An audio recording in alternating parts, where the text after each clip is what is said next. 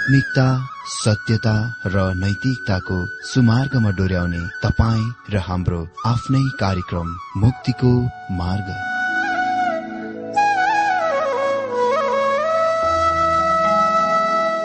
आदरणीय श्रोता यस मुक्तिको मार्ग कार्यक्रममा हार्दिक स्वागत छ। आशा छ यस आत्मिक कार्यक्रमद्वारा जीवनमा आत्मिक आशिष अलौकिक शान्ति र आनन्द प्राप्त गर्नुहुनेछ। र जीवनमा धन्य अनुभव गर्नुहुनेछ। आउनुहोस् श्रोता। मन र आत्माको तयारीको लागि यो मिठो अनि मधुर भजन गीत सुनौ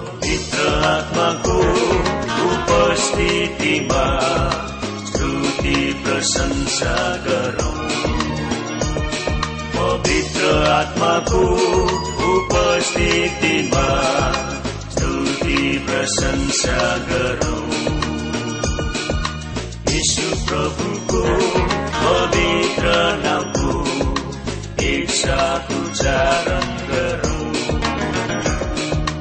यीशु प्रभुको पवित्र नामको साथ उच्चारण गरौँ। येशु येशु।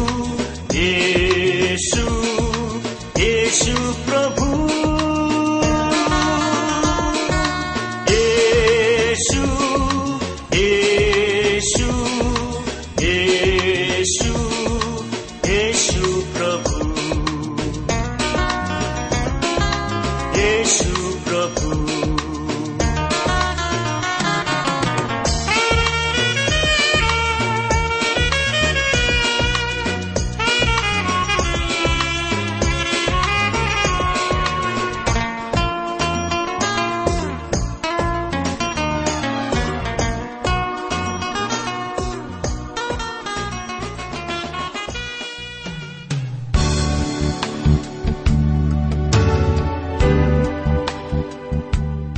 श्रोता यो प्रसारण मार्फत यो अवगत गराउन चाहन्छौ कि प्रभुको सेवाको लागि यहाँहरूको साझेदारी नित्यन्त आवश्यकता छ। यहाँहरूले प्रार्थनाको साथसाथै आर्थिक सहायता गर्न अनुरोध गर्दछौ। तपाईँहरूको सानो भन्दा सानो भेटी किन नहोस्? हामी प्रभुको नाममा स्वीकार गर्नेछौ प्रभुको सेवाको लागि। तपाईँहरूको यो सानो लगानीले कसैको जीवनमा भिन्नता ल्याउँछ अनि प्रभुको महिमा हुन्छ। प्रभु तपाईँहरूलाई महान गरी आशिष दिनुहुनेछ। इच्छुक श्रोताहरूले तपाईँहरूको इच्छा भेटी हाम्रो ठेगानामा पठाउन सक्नुहुन्छ जुन ठेगाना हामी कार्यक्रमको अन्तमा दिनेछौ। मित्र आज हामी बाइबल अध्ययन प्रकाश चौध अध्याय आठदेखि सोह्र पदबाट देख्न गइरहेका छौं। सर्वप्रथममा आज हामी देख्नेछौ बेबिलोनमाथि दण्डको घोषणा। यस अध्यायमा परमेश्वर हाम्रो सामने तिनीहरूलाई ल्याइरहनु भएको छ जो प्रकाशको पुस्तकमा फेरि प्रकट हुनेछन्। तर उहाँले हामीलाई अहिले आफ्नो कार्यक्रमको अधिक वा कम जानकारी दिइरहनु भएको छ जुन उहाँ पछ्याउन गइरहनु भएको छ। प्रकाश चौध अध्याय आठ पद हेर्दै अगाडि बढ़ौ यहाँ यस प्रकार लेखिएको छ। अनि अर्को एउटा स्वर्गीय दूतले यसो भन्दै पछ्याए ढल्यो त्यो ठूलो सहर बेबिलोन ढल्यो। किनभने त्यसले आफ्नो व्यविचारको क्रोधको मध्यबाट सबै जातिहरूलाई पिउन लगायो।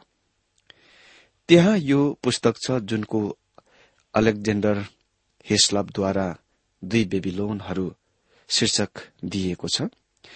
जुनको तपाईँले पढ्नै पर्छ। यो विशेष गरेर तपाईँ र म रहेको यो दिनमा एकदम उपयुक्त छ। यस पुस्तकले यो प्रकट गर्दछ शुरूदेखि बाटै बेबिलोन शैतानको मुख्य अड्डा हो। बेबिलोन नै त्यो स्थान हो जहाँबाट मूर्ति पूजा शुरू भयो। सेमी रामिस निमरोधको पत्नी थिइन्। कोही बाइबल विद्वानहरू सोच्दछन् कि तिनी चाहिँ निमरोधका आमा थिइन् र तिनले आफ्नै छोरासँग विवाह गरिन्। तिनी बाबेलका रानी थिइन् जुन पछिबाट बेबिलोन बन्यो। अनि तिनले सानो राम्रो कथाको कल्पना गरिन् युक्ति रचिन् जुनमा तिनी इफ्रातस नदीमा अड्डाबाट त्यहाँको अण्डाबाट निस्कि आइन् तिनले अण्डाको खोललाई आवरणलाई चर्काइन् र पूर्ण परिपक्व व्यक्तिको रूपमा बाहिर फुत्त निस्किआइन्। सेमिरामिसको पूजाले ईश्वरत्वमा स्त्री नारी सिद्धान्त नियमको परिचय गर्यो। यसले यो प्रकट गर्दछ कि बाबेल झुट्टा धर्मको मुख्य अड्डा वा स्थान हो। ढल्यो त्यो ठूलो सर बेबिलोन ढल्यो। यो दोस्रो स्वर्गीयदूत अगाडि यो घोषणा गर्दै दगुरे। जुन आउनलाई बाँकी नै छ। तर घोषणा यस्तो सुनाइ पर्दछ मानौ यरुसलेमले स्थान लिइसकेको थियो। त्यो पतन हुने काम। वा यरुसलेमको पतन वा यसले पहिले नै स्थान लिइसकेको थियो भन्ने कुरा सुनाइ पर्दछ। मौलिक अर्जिनल ग्रीकमा ढल्यो चाहिँ भविष्यवाणी अनिश्चितकाल सूचक भूतकालिक क्रिया हो। अर्को शब्दमा परमेश्वरको भविष्यवाणी वचन यति धेरै निश्चित छ कि मानौ त्यो घटना पहिले नै पूरा भइसकेको छ। यो अति नै धेरै निश्चित छ। मानौ त्यो पहिले नै इतिहास थियो। बाबेलको सहर प्रत्यक्ष रूपमा महाक्लेशको अवधिमा निर्माण हुनेछ। यदि तपाईँले यसैयाबाटको मेरो वचन अध्ययनमा भाग लिनुभएको भए तपाईँले यो देख्नुभयो होला कि मैले अध्यय तेह्रमा सम्भावितता वा सम्भावनासँग व्यवहार गरेथे। म विश्वास गर्दछु कि प्राचीन बेबिलोन पुननिर्माण गरिनेछ। यद्यपि उही एउटै स्थानमा नभए तापनि। र त्यसमाथि आउने दण्डको जुन यसयाको पुस्तकमा भविष्यवाणी गरिएको छ। पूरा हुन आउनलाई अझै बाँकी नै छ। बेबिलोनको प्रतिमा पूजा ईश्वरीय उन्माद वा नशा हो जुनले सम्पूर्ण विश्वलाई आकर्षण गर्नेछ खिच्नेछ मोहित गर्नेछ। यो नै कारण हाम्रा दिनहरूमा विशेष गरेर पश्चिमेली मुलुकहरूमा शैतान पूजा आराधनासँग अति नै धेरै प्रयोग वा परीक्षण गरिँदैछ। झारपु भूतप्रेत अपसरण र सम्पूर्ण कल्टहरू निश्चय नै सैतानिकहरू हुन्। ती सबैको पछाडि सैतान छ। यो कुराको ध्यान दिनुहोस् कि पुरानो नियमका भविष्य वक्ताहरूले यसको बारेमा भनेथे। यर्मी एकाउन्न थिए सात पदमा बेबिलोन परमप्रभुको हातमा एउटा सुनको कचौरा थियो। त्यसले सारा संसारलाई मतायो। जाति जातिहरूले त्यसको दाग मध्य पिए र त्यसै कारण उनीहरू बौला भयो यदि तपाईँ पूरा संसारभरि गएर यस पृथ्वीमा नजर हाल्नु भए म एउटा यो विचार मान्ने व्यक्ति हुँ कि तपाईँ मानव जातिहरूमा र संसारका जाति जातिहरूमा राष्ट्रहरूमा निरुत्साहित हुनुहुने थियो। त्यसपछि यसैयाको भविष्यवाणीमा हामी पढ्छौं यसैया तेह्र दिए एघार पदमा म संसारलाई त्यसको दुष्टैको निम्ति र दुष्टैलाई तिनीहरूको अधर्मको निम्ति दण्ड दिनेछु। म अहंकारको घमण्डीको अन्त गर्नेछु र निष्ठुरहरूको सेकी झार्नेछु। यसले संसारमाथि परमेश्वरको क्रोध तल झार्दछ। यर्मिया पच्चीसको पन्ध्रदेखि छब्बीस पद अनुसार यसैया तेह्रको उन्नाइस पदमा हामी पढ्छौं राजाहरूको रत्न बेबुलोनलाई जसमाथि बेबुलोनीहरू गर्व गर्दछन् सदोम र गमोरालाई जस्तै परमेश्वरले उल्टाइदिनुहुनेछ यो बेबिलोन माथिको दण्ड हो जुन हामी देख्न गइरहेका छौं। प्रकाश सत्र अध्यायमा देख्छौ धार्मिक बेबिलोन माथि दण्ड र प्रकाश अठार अध्यायमा देख्छौ राजनीतिक बेबिलोन माथि दण्ड। त्यसपछि निम्न पदहरूमा देख्छौ पशुको चिन्ह छापको निशानको ग्रहण गर्नेहरूमाथि दण्डको घोषणा। यो सम्भवत सत्य छ कि ती व्यक्ति जो प्राय महाक्लेशको अवधिमा रहँदछन्। त्यसो गरिन्दछ किनभने तिनीहरूले पशुको छाप ग्रहण गरेथे। तर महाक्लेशको एक भाग शैतानलाई छोडिने मुक्त गरिने कुराद्वारा अस्तित्व दान वा उत्पादन गरिएको होइन तर यो पृथ्वीमाथि ख्रिसको दण्ड हो। उहाँ व्यक्तिगत रूपमा र सिधै यो पृथ्वीमा उहाँको विरूद्धको विद्रोहको खतम गर्ने काममा चाल चल्नुहुनेछ। अनि नौदेखि बाह्र पदमा हामी पढ्छौं चौध अध्ययको नौदेखि बाह्र पदमा। यस प्रकार लेखिएको छ। अनि तेस्रो स्वर्गीय दूतले ठूलो स्वरले यसो भन्दै तिनीहरूलाई पछ्याए यदि कुनै मानिसले त्यो पशु र त्यसको मूर्तिको पूजा गर्छ र आफ्नो निधारमा वा आफ्नो हातमा त्यसको निशान लिन्छ भने त्यसैले परमेश्वरको क्रोधको मध्यबाट पिउनेछ जुन चाहिँ उहाँको क्रोधको कचौरामा पन्यालो नपारिकन खन्याएको छ अनि पवित्र स्वर्गीय दूतहरूका सामु र थुमाको सामु त्यो आगो र गन्धकद्वारा पीड़ित पीड़ित पारिनेछ र तिनीहरूको पीड़ाको दुहा सदा सर्वदा उभोतिर उठाइ जानेछ वा उठिरहनेछ। अनि जसले त्यो पशु र त्यसको मूर्तिको पूजा गर्छ र जस कसैले त्यसको नामको निशान लिन्छ तिनीहरूले दिनरात विश्राम पाउने छैनन्। पवित्र जनहरूको धीरज यहाँ छ। परमेश्वरको आज्ञाहरू र येशुको विश्वास पालन गर्नेहरू यहाँ छन्। उनी मानिसको त्यस झुण्डसँग कुरा गरिरहेका छन् जसले परमेश्वरका आज्ञाहरूको पालन गर्दछन्। अर्थात पुरानो नियमको व्यवस्था। शास्त्रले हामीलाई भन्दछ कि बलिदानहरू महाक्लेश अवधिमा र हजार वर्षीय राज्यमा पनि ल्याइनेछ। यस खण्डले यो एकदम स्पष्ट बनाउँछ कि कसैले पनि त्यस पशुको अन्तर्गत यो तीव्र उग्र अवधिमा तटस्थ वा समदृष्टि स्थितिको लिन सक्दैन। आज हामी ख्रिस्टियन व्यापारीहरूलाई पनि देख्छौं जो यस घड़ीको नीतिहरू सम्बन्धी सम्मत शर्तमा आत्मसमर्पण गरिरहेका छन्। प्रकाश तेह्र अध्यायमा हामीले पशुको छाप चिन्हको स्वीकार गर्न इन्कार गर्ने कामको लागि भयानक वैकल्पिकको देखेका थियौं। जुन भोकै बस्ने काम र भोकले मर्ने कुरा थियो अर्कोतिर त्यो पशुको छापहरूको वा निशानहरूको ग्रहण गर्नेले चाहिँ आफ्नो टाउकोमाथि परमेश्वरको क्रोध ल्याउँदछ। परमेश्वरको क्रोधको मध्यबाट पिउनेछ यो त्यो कथन पुरानो नियमबाट लिएको हो। भजन संग्रह पचहत्तरको आठ पदमा हामी पढ्छौं परमेश्वरको बाहुलीमा एउटा कचौरा छ जसमा मर मसला मिसाएको छ फिज भएको मध्य छ उहाँले त्यो खन्याउनुहुन्छ। अनि पृथ्वीका दुष्टहरू सबैले त्यसको थिग्रा समय पिउनेछ। पुरानो नियमका भविष्य वक्ताहरूको त्यस विषयको टिपे। तिनीहरूले क्रोधको कचौरा घाँटीसम्म भरिएको देखे। परमेश्वर धीरज र धैर्य हुनुभयो र मानिसहरूलाई आफ्ना पापहरूमा निरन्तर लिप्त भइरहन छोडिदिनुभयो। तर जब क्रोधको कचौरा भर्यो तब परमेश्वरले ईश्वरविहीन समाजको ओठहरूमा वा मुखहरूमा त्यसको हालिदिनुभयो कोचारिदिनुभयो। विद्रोही मानिसहरूले यसमा निरन्तर लिप्त भइरहे जबसम्म तिनीहरूमाथि दण्ड टुट परेन आगो र गन्धकद्वारा पीड़ित पारिनेछ। अहिले म यो भन्न चाहन्छु कि यदि यो साँच्चीकै आगो र गन्धक नभए यो जुनसुकै कुरा भए तापनि आगो र गन्धक भन्दा खराब हुनै पर्छ। यदि यो प्रतीक भए याद गर्नुहोस् कि प्रतीक वास्तविकताको यथार्थताको कमजोर क्षीण प्रतिनिधिक वा प्रतिनिधित्वको वा प्रदर्शनको दिनलाई प्रयोग गरिएको छ। यो एक प्रकारले कुनै कुराको सार तत्व जस्तै हो। त्यहाँ गोल मरिचको सार तत्व छ र अत्तरको सार तत्व छ। सार तत्व चाहिँ कमजोर क्षीण सार तत्व क्षीण कमजोर गन्ध हो। कमजोर क्षीण सार तत्व चाहिँ क्षीण र कमजोर गन्ध हो जुनको द्रव्य पदार्थ गइसकेपछि बोतलमा छोडिएको हुन्छ। प्रतीक चाहिँ खालि सार तत्व हो या वास्तविक कुराको क्षीण वा कमजोर प्रतिकपी हो। र वास्तविकता प्रतीकले संकट गरेको भन्दा कति हो कति धेरै खराब हुन सक्छ। तर यो कुराको याद राखौं कि सदमको गन्धक एकदम अक्षरस वा साँच्चीकै थियो।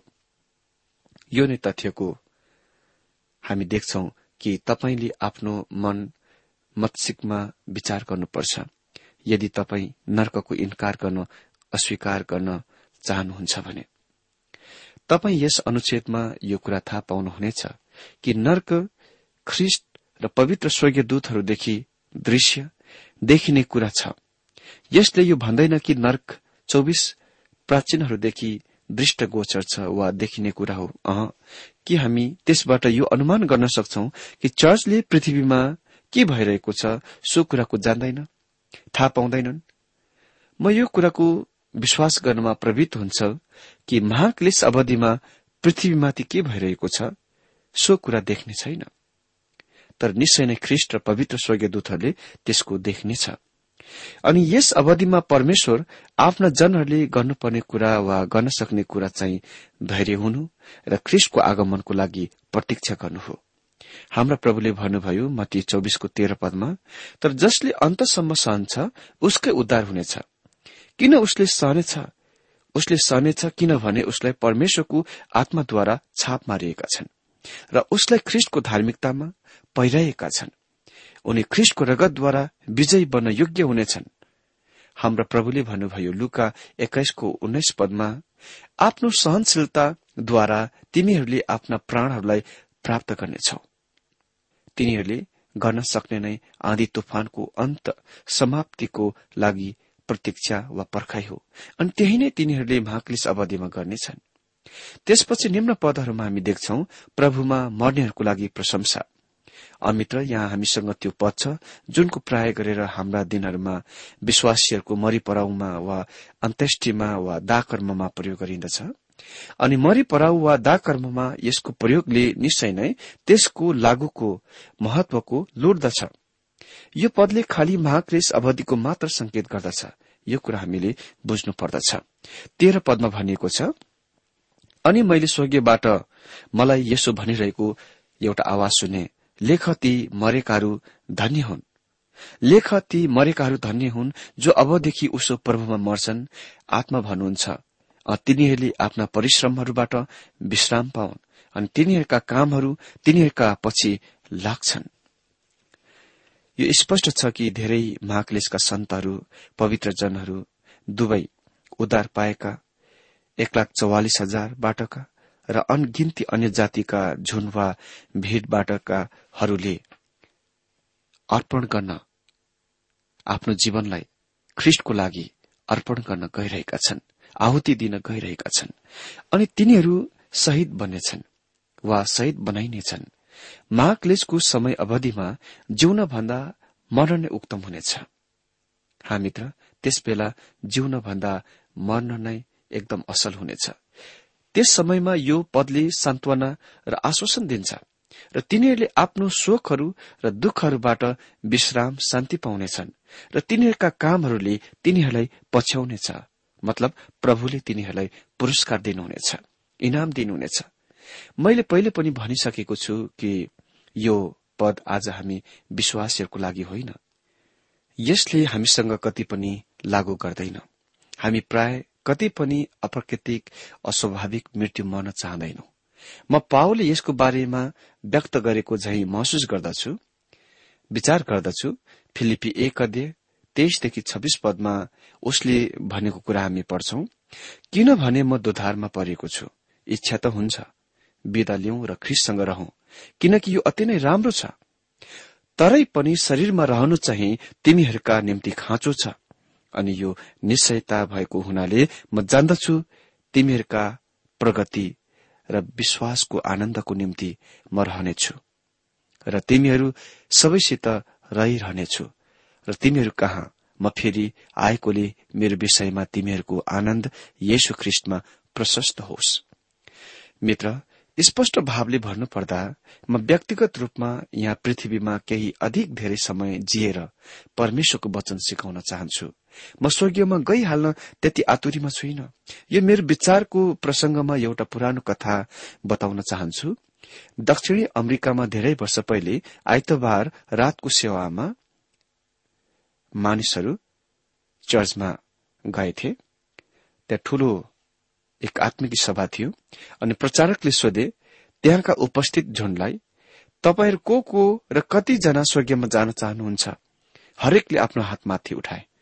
तर त्यहाँ एकजना हप्सी केटाले आफ्नो हात तल झार्यो प्रचारकले त्यस केटालाई हेरेर सोधे छोरा के तिमी स्वर्गीयमा जान चाहँदैनौ? त्यस केटाले उत्तर दिए कि निश्चय नै। चाहन्छु तर मैले सोचे कि तपाईँले स्वर्गीयतिर आज राति अति नै ठूलो बोझ भारी उठाइरहनु भएको छ। मित्र आज राति स्वर्गीयतिर जाने त्यस बोझ वा भारी लोडमा म पनि हुन चाहन्न। म त्यहाँ अन्तिम हुन त गइरहेको छु। निसन्देह नै। त्यसमा कुनै सन्देह छैन। तर जति लामो समयसम्म सम्भव हुन्छ म यहाँ पृथ्वीमा रहेर उहाँको सेवा गर्न बाँच्न चाहन्छु। मेरो निम्ति मर्न चाहन्नु चाहिँ एक किसिमले असामान्य कुरा हो। तर महाक्लेशमा त्यो बेग्लै वा अलगै कथा हुनेछ।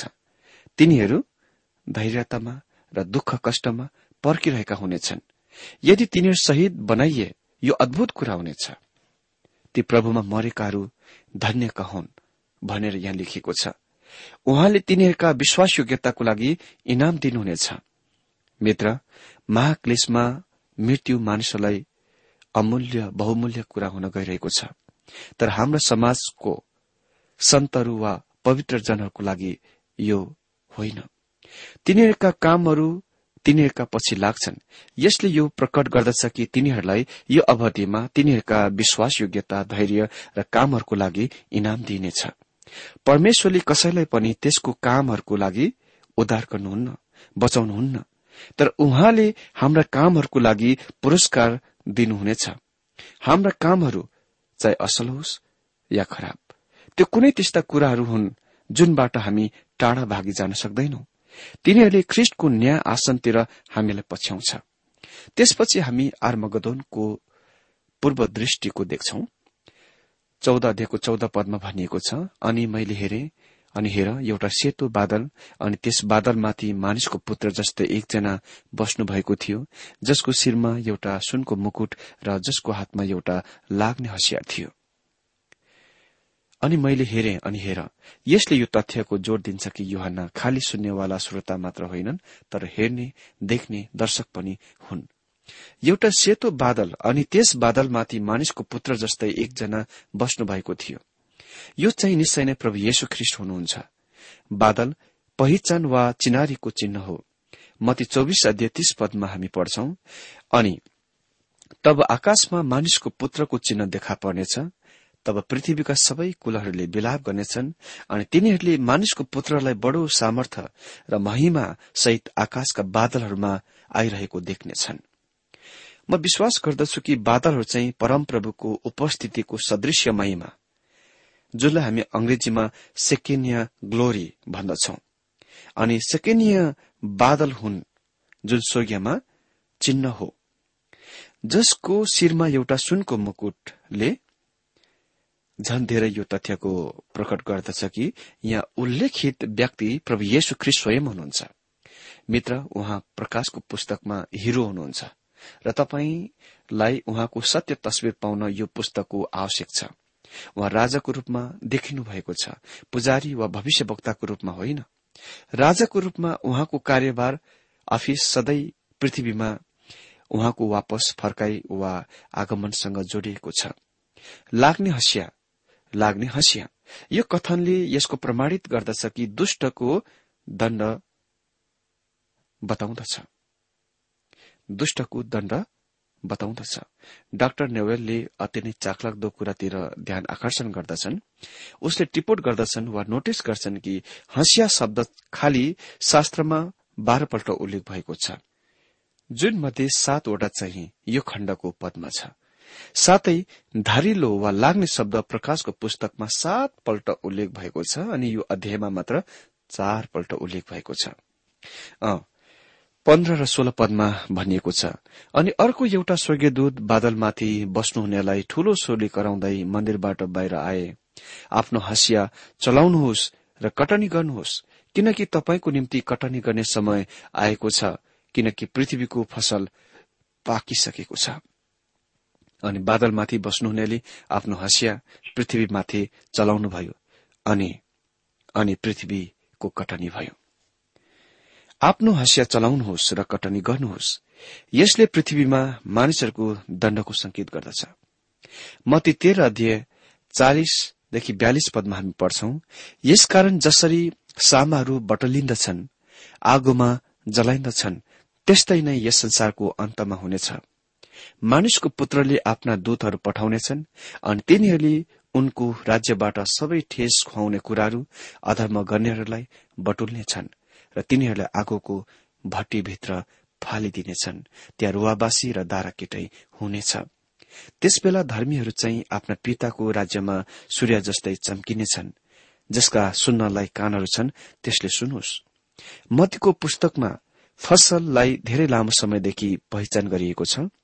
र विश्वासीहरूलाई फसलको लागि वा कटनीहरूको लागि सेवकहरूको परिश्रमको लागि प्रार्थना गर्न आग्रह गरिएको छ।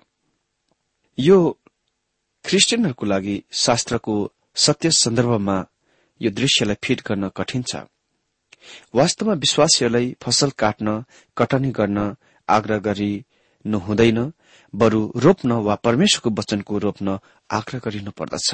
भन्नु पर्दछ मती तेह्र अध्यय तीन पदमा हामी देख्छौ बिउ छर्ने मानिस बिउ छर्न निस्क्यो। प्रभु येशु मानिसको पुत्र हुनुहुन्छ उहाँ बिउ रोप्नेवाला हुनुहुन्छ र बिउ चाहिँ परमेश्वरको वचन हो अनि खेतबारी चाहिँ संसार हो। उहाँले संसारमा बिउ छरिरहनु भएको छ अनि कटनीको समय वा फसलको समय कुनै दिन हुन गइरहेको छ। तर त्यो युगको अन्तमा हुनेछ हेर्नुहोस्। तपाईँ र म आज फसल काट्ने वा कटनी गर्ने काममा छैनौ। हाम्रो काम बिउ छर्ने हो।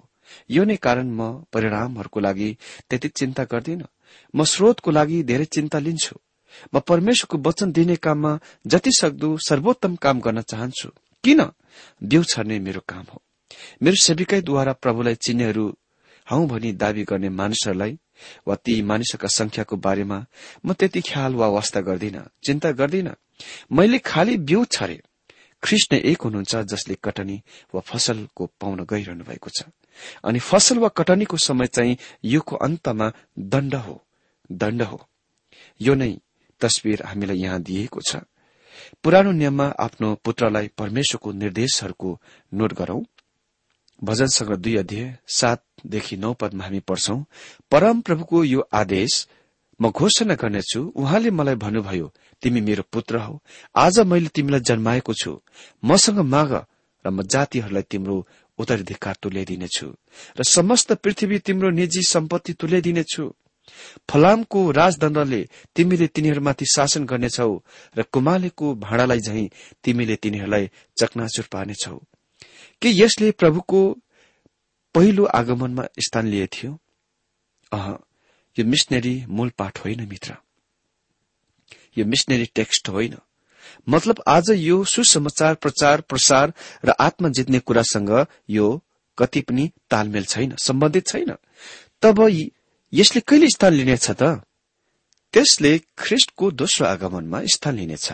त्यस समयमा उहाँ दण्डमा आउनुहुनेछ। किनकि तपाईँको निम्ति कटनी गर्ने समय आएको छ। यो चाहिँ प्रभु येशु ख्रिष्टको वचनहरू अनुरूपतामा छन्। मती तेह्र दे उन्तालिस पदमा भनिएको छ फसल संसारको अन्त हो र कटनी गर्ने समय आउनेछ। त्यसकारण आज बिउ रोपौं वा छरौं। हामी परमेश्वरको वचन बाहिर दिउँ र परमेश्वरको आत्माले परिणामहरूको फलहरूको सम्भाल हुनेछ।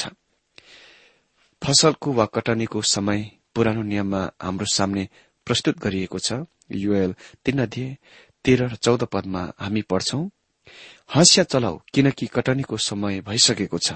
आओ दाखहरू कुल्छ किनकि दाको कोल भरिएको छ र पिपाहरू भरिएर पोखिँदैछन्।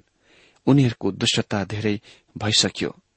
फैसला गरिने बेसीमा धुइरोको धुइरो छ किनभने फैसला गरिने बेसीमा परमप्रभुको दिन नजिक आएको छ।